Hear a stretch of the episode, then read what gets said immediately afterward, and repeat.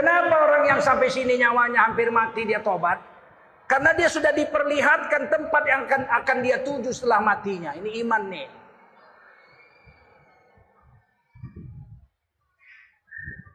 Falaula idza balagatil hulqum. Ketika nyawa kamu sudah sampai di leher hampir mati. Wa antum hina idzin tanzurun saat itu kamu sudah melihat tempat yang akan kau tuju setelah matimu. Ahli sorga sudah lihat sorga. Senyum. Beberapa sahabat saya mati senyum. Ibu Tutia Lawiyah, ketua badan kontak majlis taklim, wafatnya senyum. Guru-guru saya wafatnya senyum. Beberapa orang jemaah tablik sedang dakwah mati di dalam perjalanan senyum. Muazin Masjidil Aqsa bukan senyum, ketawa. Ditembak sama Israel habis sholat subuh. Dan mati. Mayatnya dimandikan, difoto, mau dikubur, ketawa. Hehehe. Bagaimana mayat bisa ketawa? Beberapa mayat mujahidin Afghanistan yang terbunuh melawan Soviet. Begitu Soviet kalah, itu dikubur asal-asalan aja itu di tengah-tengah padang itu. Dibongkar mau dipindahkan ke kota. Darahnya masih mengalir harum. Senyum. Ada yang ketawa. ketawa. Baik siapa yang masa manusia mati bisa ketawa, bisa senyum. Kenapa? Kata Quran karena dia sudah diperlihatkan tempat yang akan dia tuju. Sebelum matinya. Kalau dia ahli neraka, dia udah diperlihatkan neraka juga. Wah, kalau itu hajab lah matinya. Ketika sakaratul maut, malaikat datang. Ayo berangkat, kata malaikat maut. Ke mana? Ke neraka itu. Oh, nggak mau dia. Oh, ah, ah. nggak mau. Ditinju sama malaikat wajahnya. Wa yadribuna wujuhahum wa adbarohum. Ditinju wajahnya, ditinju punggungnya. Muncrat darah dari mulutnya, dari kupingnya, dari matanya, dari hidungnya keluar darah. Matinya sul khatimah. Cabut nyamanya sekuat-kuatnya sama malaikat maut. Siapa yang nggak tobat waktu mau mati? Firaun aja tobat kok. Tapi tobat tak diterima. Kita di orang Islam kalau mau tobat sekarang sebelum mati. Siap? Ya. Kalau orang sini nggak guna. Preman-preman, polisi-polisi, pejabat-pejabat, kalau mau tobat sekarang. Kalau udah baru tobat tak guna, betul?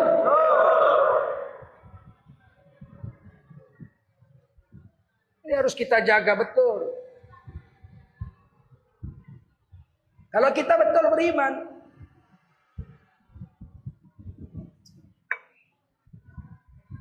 yakin sama Allah, yakin sama malaikat, yakin sama kitab-kitabnya, yakin sama nabi-nabi, terutama Nabi Muhammad Sallallahu Alaihi Wasallam, yakin dengan hari kiamat, yakin dengan takdir Allah yang baik yang buruk, aman kita.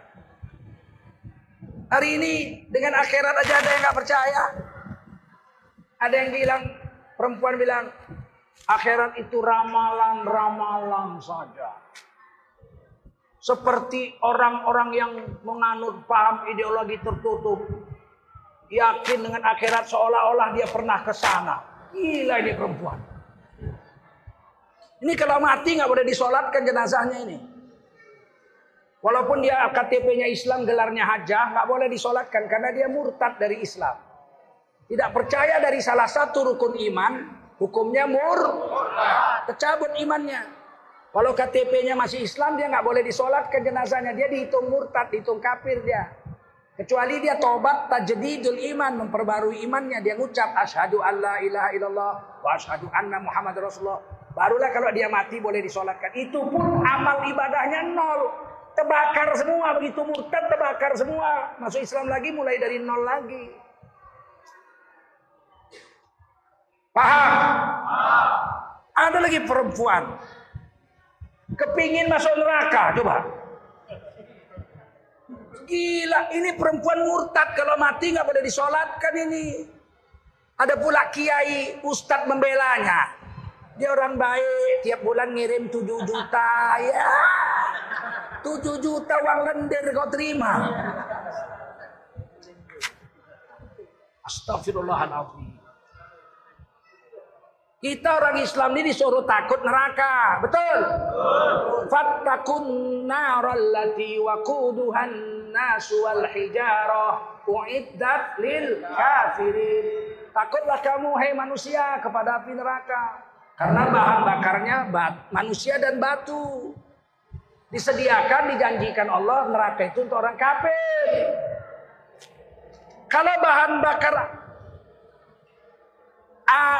api neraka itu air, itu panasnya cuma 100 derajat Celcius. Lebih dari 100 dia nggak sanggup lagi berubah dia jadi uap. Air hanya bisa menyerap panas 100 derajat Celcius. Kalau bahan bakar neraka air cuma 100 derajat, itu aja udah minta ampun kita kok. Betul? Kalau bahan bakar neraka itu baja, dia bisa menyerap panas 2500 derajat Celcius. Setelah 2500 dia cair. Nggak mampu lagi dia menyerap panas baja itu lebih dari 2500 derajat Celcius. Kalau bahan bakar api neraka itu baja, neraka itu panasnya 2500 derajat Celcius. Jadi apa kita kalau masuk situ?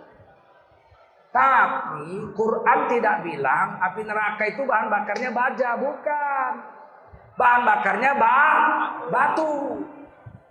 Kalau batu kita bakar 100 derajat dia masih serap. Seribu dia masih serap. 2500 dia masih serap. 5000 dia masih serap. 10.000 derajat Celcius dia masih serap. Bagaimana kalau neraka itu bahan bakarnya batu? 10.000 derajat Celcius jadi apa kita kalau masuk situ? Berani apa takut? Berani apa takut? Ada yang berani. Gak apa-apa saya masuk neraka.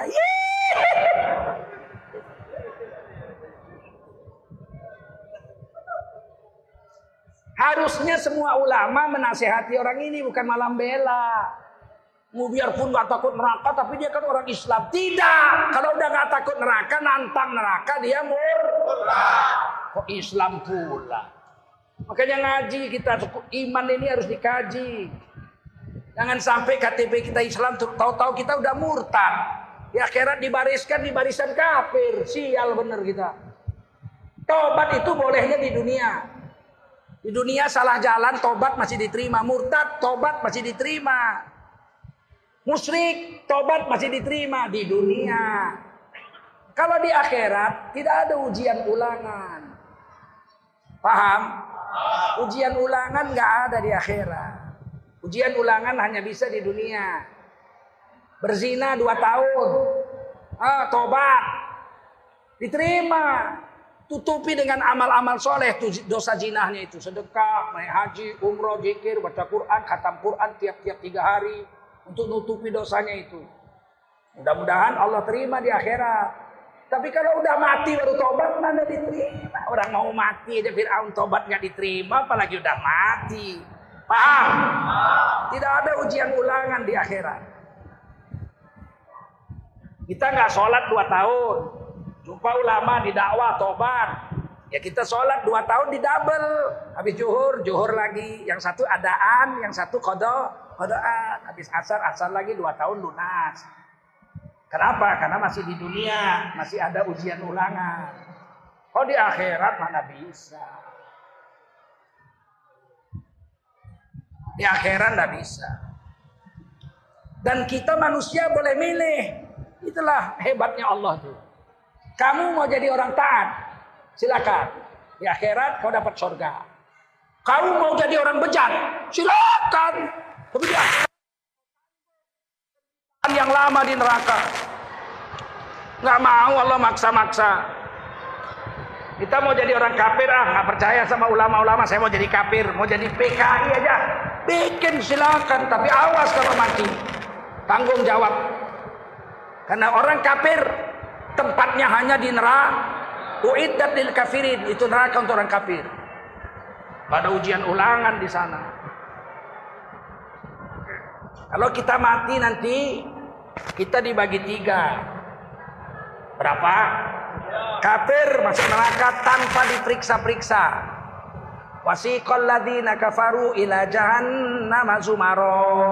Orang kafir digiring masuk neraka serombongan, serombongan, serombongan, serombongan sampai habis. Gak ada orang kafir masuk surga, gak ada. Jangan dibela-bela. Walaupun saya kafir, belum tentu pasti. Apa pasti apa? Pasti masuk neraka. Pasti apa enggak? Pasti. Pasti. Siapa yang bilang pasti? Al-Quran yang bilang. Ada juga ustadz sekarang gatal mulutnya. Jangan merasa paling betul. Walaupun dia kafir belum tentu. Belum tentu apa? Kalau kafir pasti masuk.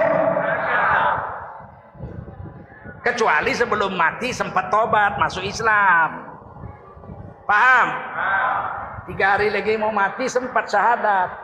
Asyhadu an la ilaha illallah wa asyhadu anna Muhammadan abduhu wa rasuluhu. Tiga hari kemudian mati. Mau ada harapan masuk surga lah karena dosa nggak ada nol. Innal Islam yahdimu maka qablahu masuk Islam itu membunuh, menghancurkan seluruh dosa sebelumnya. Begitu dia mengucap syahadat seperti bayi baru lahir dari rahim ibunya. Tapi kalau mati dalam keadaan kafir tidak ada harapan masuk surga. Dia kekal dalam neraka selama lama lama lama. Golongan kedua, golongan takwa beriman dan bertakwa. Ini masuk surga nggak diperiksa-periksa. Wasiqal ladzina taqaw rabbahum ilal jannati zumaro.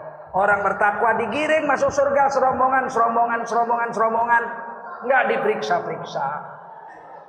Kenapa? Karena surga untuk orang bertakwa. Uiddat lil muttaqin. Paham? Tinggal yang di tengah-tengah. Kafir tidak mengucap syahadat. Takwa tidak. Ah, ini terpaksa ditimbang dulu. Sholat, sholat ke masjid. Tapi datang ke masjid pakai sendal jepit, pulang bawa sepatu beli. Pulang dari masjid lewat sungai ngintip orang mandi. Ditimbang. Fa'amma man sakulat mawazinuhu fahuwa fi 'ishatir radiyah. Kalau ditimbang amal lebih banyak baiknya dari jahatnya setelah ditimbang masuk surga. Wa amma man khaffat mawazinuhu fa ummuhu hawiyah wa ma adraka ma hiya narun hamiyah. Kalau ditimbang amal lebih banyak dosanya dari baiknya, walau beriman harus masuk neraka dulu. Meskipun tidak kekal karena ada iman. Paham?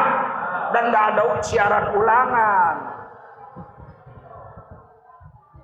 Begitu orang beriman ditimbang amal, dilihatnya dosanya semua. Di layar besar berwarna. Kata Allah, ikra kita baca catatan amalmu. Nampak, tuh. Kau sudah akin balik. Tuh, kau mencuri telur ayam tetangga. Nampak. Tuh, kau ngintip orang mandi. Nampak. Tuh, kau pergi ngaji. Nampak pahalanya. Tuh kau udah dewasa, masuk hotel berzina, mati lampu gelap, nampak terang di sebelah. Waktu aku zina mati lampu ya Allah gelap kok nampak terang. Itu yang syuting kiraman katibin bukan metro tipu mas. Apa dia bilang?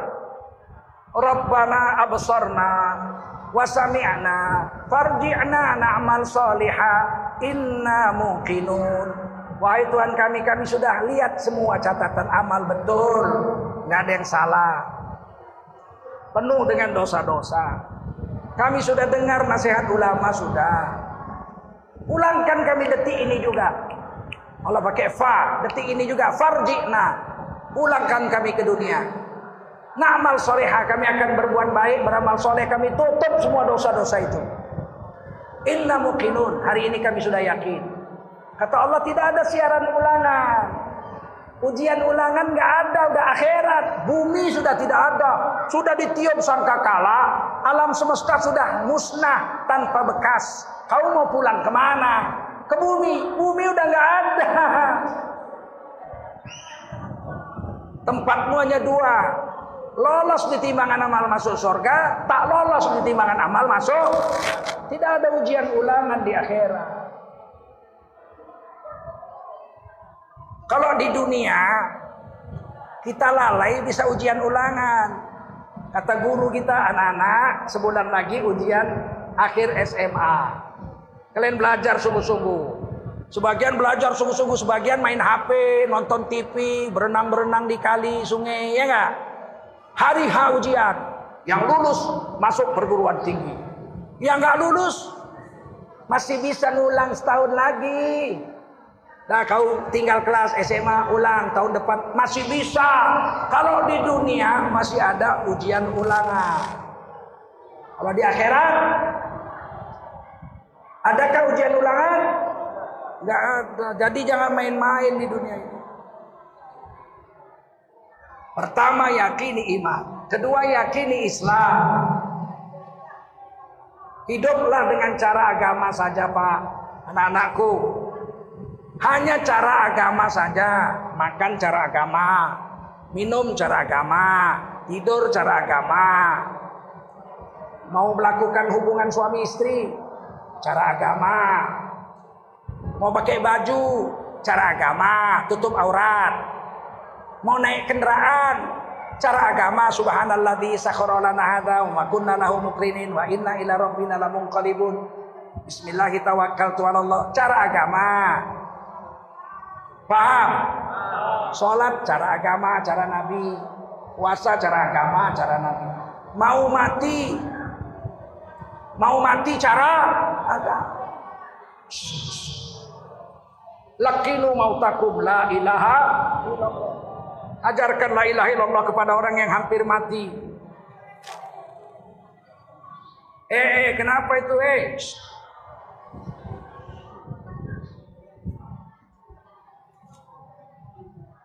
Ajarkan la ilaha illallah pada orang yang hampir mati.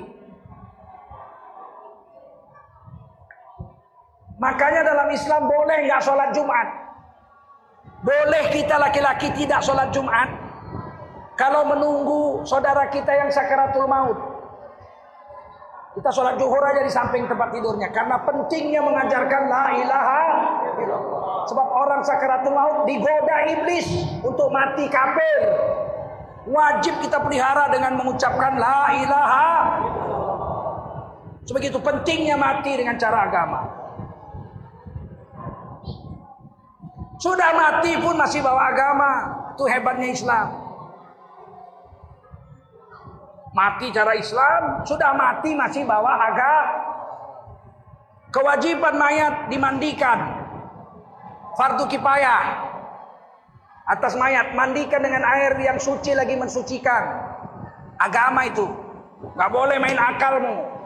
Saudara-saudara karena saya orang kaya bapak saya meninggal dunia pagi ini maka saya akan mandikan jenazahnya siang ini pakai pertamax turbo. Nggak boleh. Kita harus bawa agama betul? Kapankan wajib dikapankan. Nggak boleh pakai jas wajib dikapankan Tiga lapis sunat. Warna putih sunat. Boleh warna lain. Tapi sunat warna kalau warna putih Allah suka. Warna kesukaan Allah putih. Pakailah baju putih. 24 jam Allah suka sama kita. Mahabbah, mahabbah, mahabbah. Dan kapankan mayat-mayatmu dengan kain putih. Selama dikubur Allah mahabbah. Oh berapa tahun di kuburan? 10 ribu tahun aja belum kiamat kok. Allah senang. Apa nggak boleh pakai baju merah? Boleh. Tapi yang suka PDIP. Bukan Allah. Paham? Saya pakai baju putih, nggak ada baju lain. Tujuh baju saya putih semua. Supaya saya 24 jam Allah suka. Tidur pun saya pakai baju putih.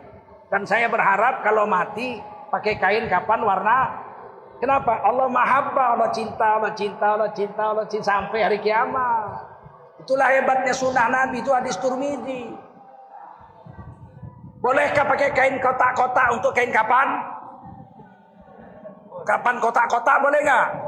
Boleh, cuman malaikat jijik mungkin liatnya.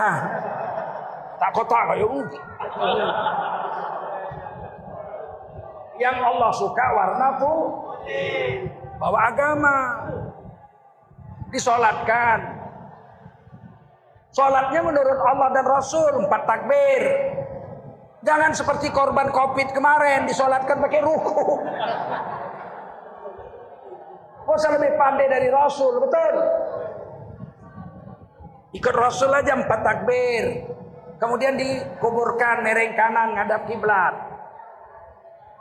Tidak boleh, saudara-saudara, karena kuburan sudah penuh, maka saya sebagai kepala desa memerintahkan mulai besok kalau ada yang mati dikuburkan berdiri menghadap kiblat untuk menghemat tanah kuburan. Boleh nggak? Nggak boleh.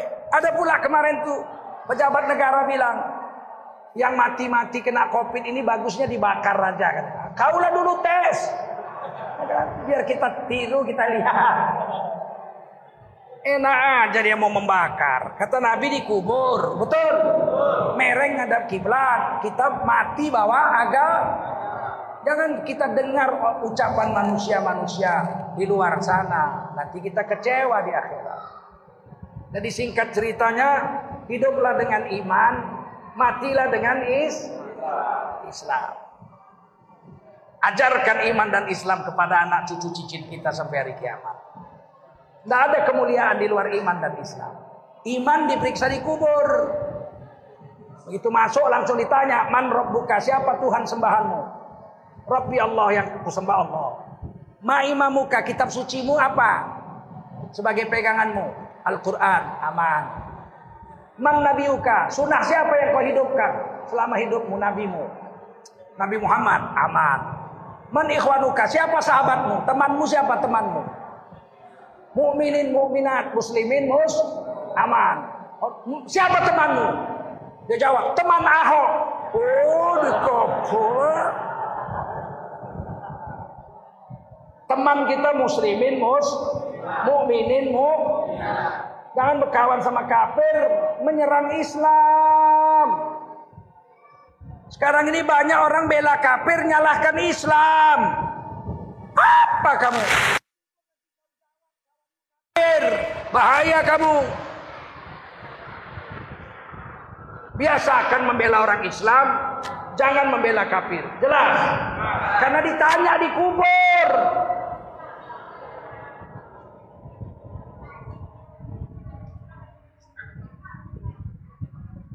Dulu pun zaman PKI begitu.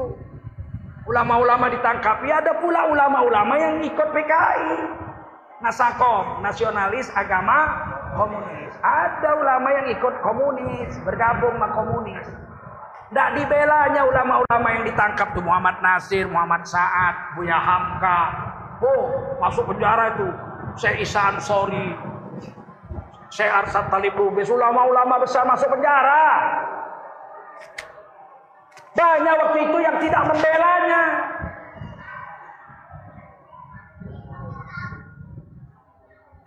Diam aja nggak boleh kita. Diam nggak boleh. Apalagi bela kafir. Hari ini kadang-kadang yang dibela orang-orang bejat. Misalnya di depan tuh ada bencong malam-malam. Asal kita keluar dari masjid malam-malam habis sholat isya diganggu sama bencong. Om, booking kita dong om. Lama-lama remaja masjid marah. Dibentuklah barisan remaja masjid mengusir bencong. Terjadilah pertengkaran, ribut, masuk koran, masuk TV, masuk Facebook. Remaja masjid apa namanya nih? Masjid Jami. Mengusir bencong. Besoknya keluar orang Islam bela bencong. Bencong juga manusia, jangan begitu. Mereka punya hak asasi. Eh, bela bencong. Orang Islam bela bencong, bukan bela remaja masjid. Remaja masjid tidak boleh begitu, terlalu keras. Itu Islam tuh adem, Islam tuh adem, adem. Rahmatan lil alamin. Rahmatan lil alamin bukan membiarkan bencong, bukan membiarkan pelacuran, bukan membiarkan warung-warung mabuk, narkoba bukan. Rahmatan lil alamin itu mencegah kemungkaran, betul? Datang Menteri Agama kemarin, yang dulu dia bilang apa? Bencong-bencong itu manusia. Mereka itu harus dirangkul. Ih. Berani rangkul bencong? Ih. Kau lah, aku nggak berani. Sedangkan netral aja nggak boleh netral, netral. Berkelahi remaja masjid jami dengan bencong-bencong. Ada yang bela bencong. Ada yang bela orang Islam, remaja masjid. Yang sial yang tengah-tengah. Saya nggak bela remaja masjid, saya nggak bela bencong, saya tengah-tengah. Ini bahaya besar ini. Berarti dia menganggap yang hak dengan yang batil sama kedudukannya. Bahayalah. Oleh karena itu kita wajib menjalankan agama ini. Siap? Kalau masuk WC aja cara Islam, makan cara Islam, minum cara Islam. Apalagi memilih pemimpin, harus dipilih yang cara Islam. Dua-dua Islam Pak. Kalau dua-dua Islam lihat partainya. Yang mendukungnya itu partai yang suka sama Islam apa enggak? Ngerti?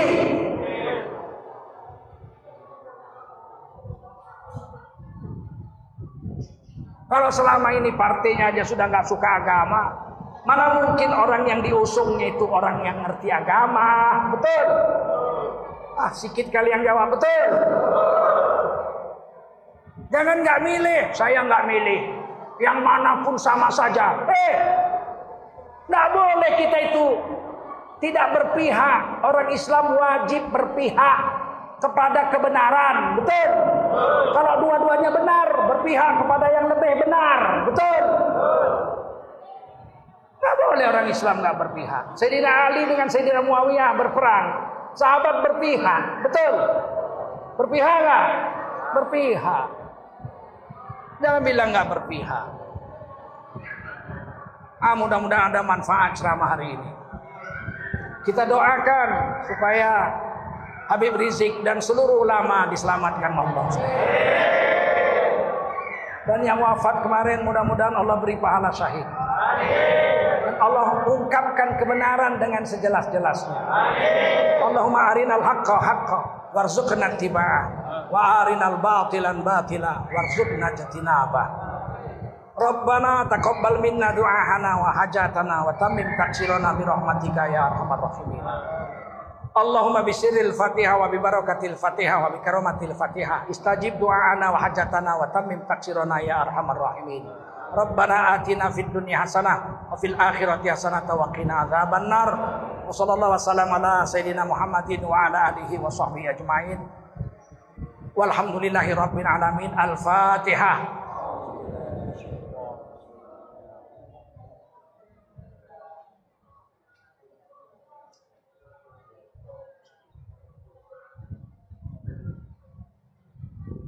Amin. يا الله يا بصير يا سميع يا عليم يا حي يا قيوم برحمتك أستغيث